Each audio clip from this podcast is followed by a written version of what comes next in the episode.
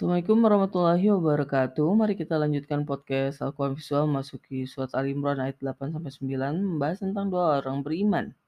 Apa yang dibahas di kedua ayat ini sebelumnya kita lihat dulu sekilas apa yang dibahas di ayat 5 sampai 7 surat Ali Imran.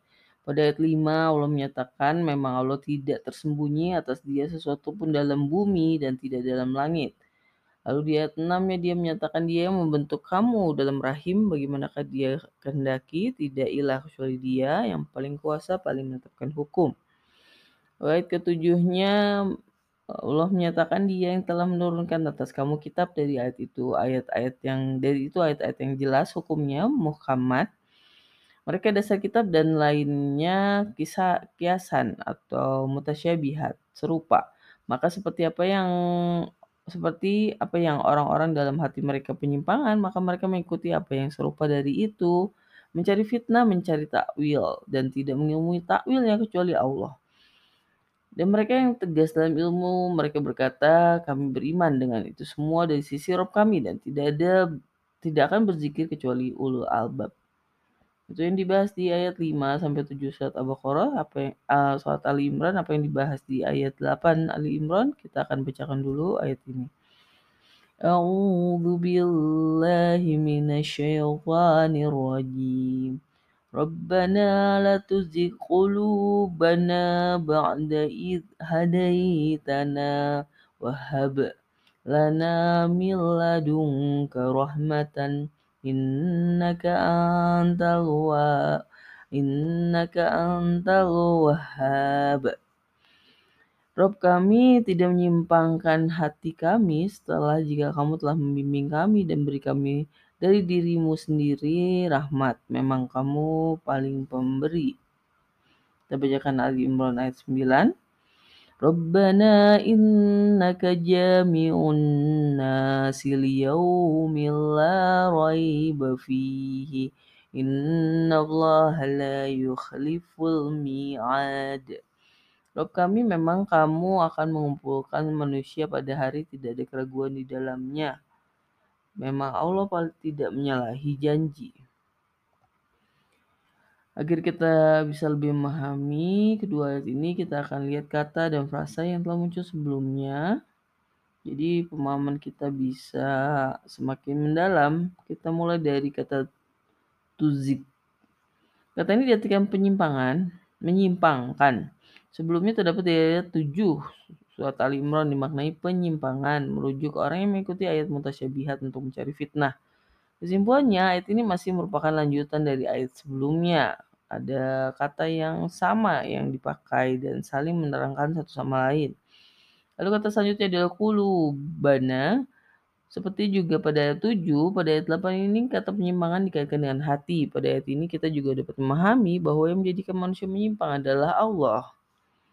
Walaupun bagaimanapun kekuasaan hati manusia itu ternyata bukan pada manusia itu sendiri. Mungkin manusia tuh lebih ke berpikir ya, ke akal gitu dan kemudian ke amalannya gitu. Tapi kalau ke hati ternyata ya Allah sendiri yang mengatur hati-hati manusia. Makanya di hati ini kan ada doanya agar hati itu tidak menyimpang. Lalu kata selanjutnya adalah hadain tanah. Kata ini diartikan memberi petunjuk. Sebelumnya kata ini terdapat di 272. Menegaskan bahwa yang memberi petunjuk adalah Allah. Pada ayat ini kita memahami bahwa setelah mendapat petunjuk bukan berarti akan selamanya berada di atas petunjuk. Jadi hmm, tanah beri petunjuk ya. Di ayat 272 dinyat dikaitkan dengan bahwa yang berhak yang atau yang mampu memberi petunjuk ya Allah gitu kan.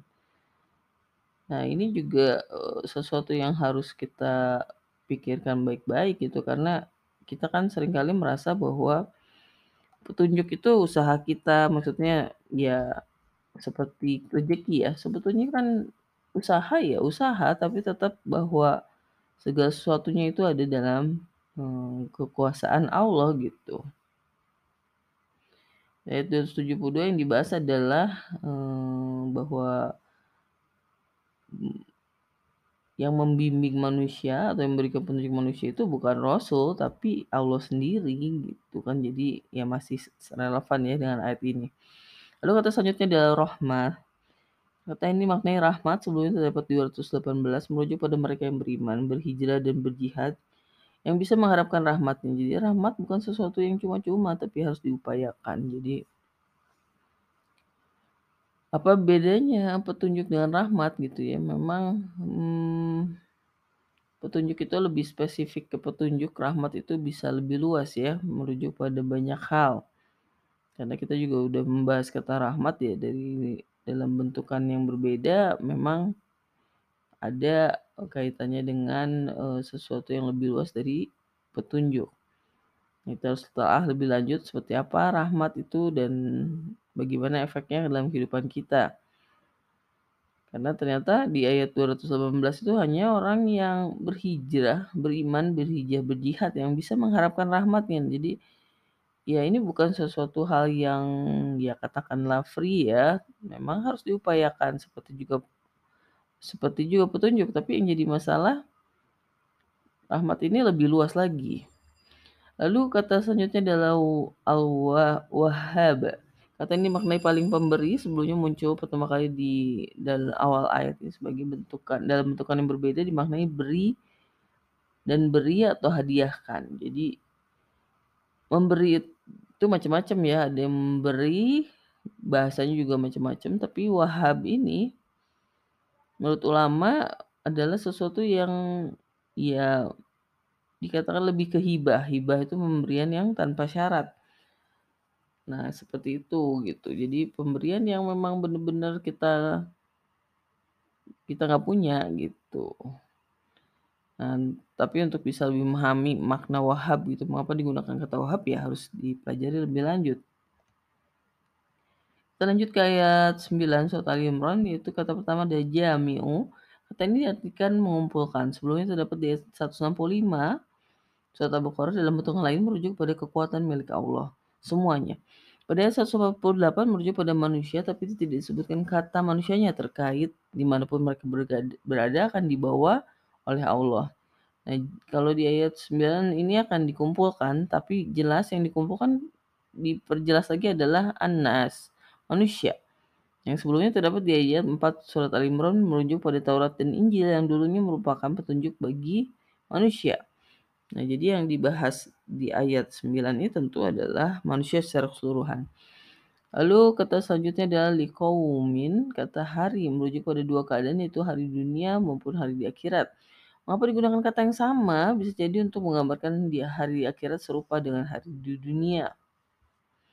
Lalu frasa selanjutnya adalah rayu la raiba fi. Frasa ini sebenarnya terdapat di ayat 2 surat Al-Baqarah dikaitkan dengan kitab. Ya, likal kita bula roiba fi. Tapi pada ayat ini dikaitkan dengan hari akhir. Jadi hal yang tidak ada keraguannya tidak hanya pada kita melainkan juga akhirat. Jadi ya frasa-frasa ini kan sebetulnya hanya menegaskan makna aja gitu bahwa seperti juga kitab yang tidak ada keraguan di dalamnya ya hari akhirat pun tidak ada keraguan di dalamnya dalam arti ya pasti akan terjadi gitu kan. Jadi beda maknanya walaupun sama-sama rasanya tidak ada keraguan di dalamnya. Lalu kata selanjutnya yukhlifa, kata ini dimaknai menyalahi pada ayat 80 sama-sama dikaitkan dengan kata persetujuan. Wajib pada perkataan Bani Israel yang menyatakan bahwa tidak akan menyentuh neraka kecuali beberapa hari saja. Pada ayat ini merujuk pada janjinya akan mengumpulkan manusia. Di orang-orang yang menyalahi ya. Menyalahi apa? Menyalahi e, berkaitan dengan tadi ya penyimpangan.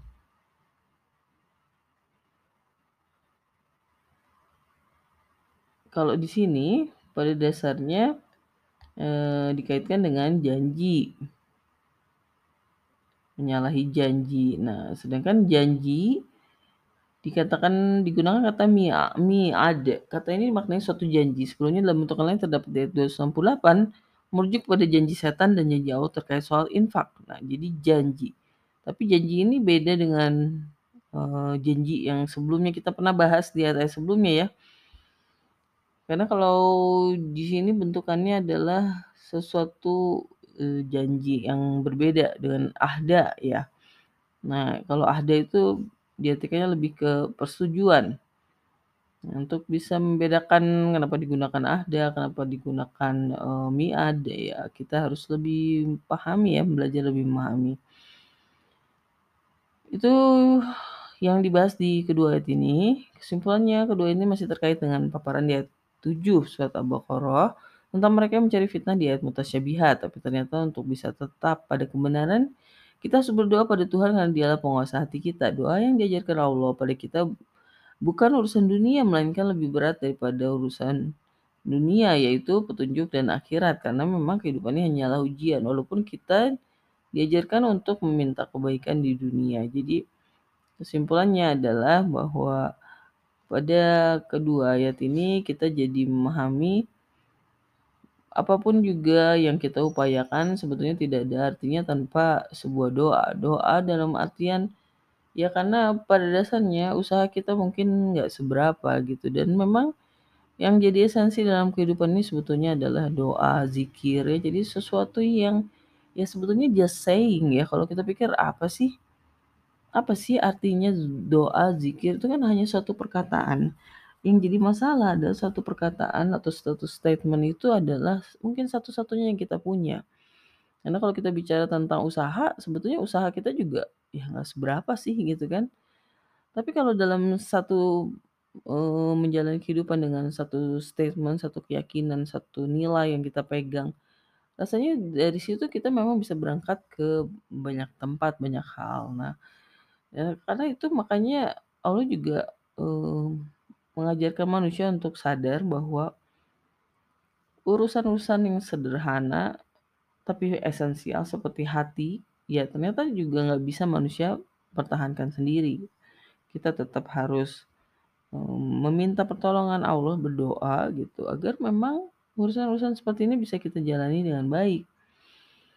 Ya, sebetulnya ya apakah mudah? Ya mudah sebetulnya gitu kan kalau kita pikir mengucapkan sesuatu itu lebih mudah dibanding berbuat sesuatu ya. Jadi masalah adalah memang ada konsekuensi dari yang kita ucapkan itu pasti karena yang kita ucapkan itu bukan sekadar mantra, eh, mantra pun ada konsekuensinya ya. Jadi maksudnya bukan sekadar satu perkataan kosong, tapi memang ada yang mengharuskan kita untuk berbuat sesuatu yang didasari oleh perkataan kita gitu. Jadi ya kita harus mencoba memahami gitu konteks-konteks perkataan, lalu ya intinya sih kita bicara tentang kata-kata yang dibangun ya, kata-kata yang disampaikan dan dengan kata-kata itu kita berusaha membangun diri kita sendiri gitu. Itu yang dibahas di ketiga eh, kedua ayat ini. Sebelum kita tutup, kita bacakan lagi surat Ali Imran ayat 8 dan ayat 9. A'udzu billahi minasyaitonir rajim. Rabbana la tuzigh qulubana ba'da idh hadaitana wa hab lana min ladunka rahmah innaka antal wahhab. ربنا إنك جامع النساء ليوم لا ريب فيه. إن الله لا يخلف الميعاد. صدق الله العظيم.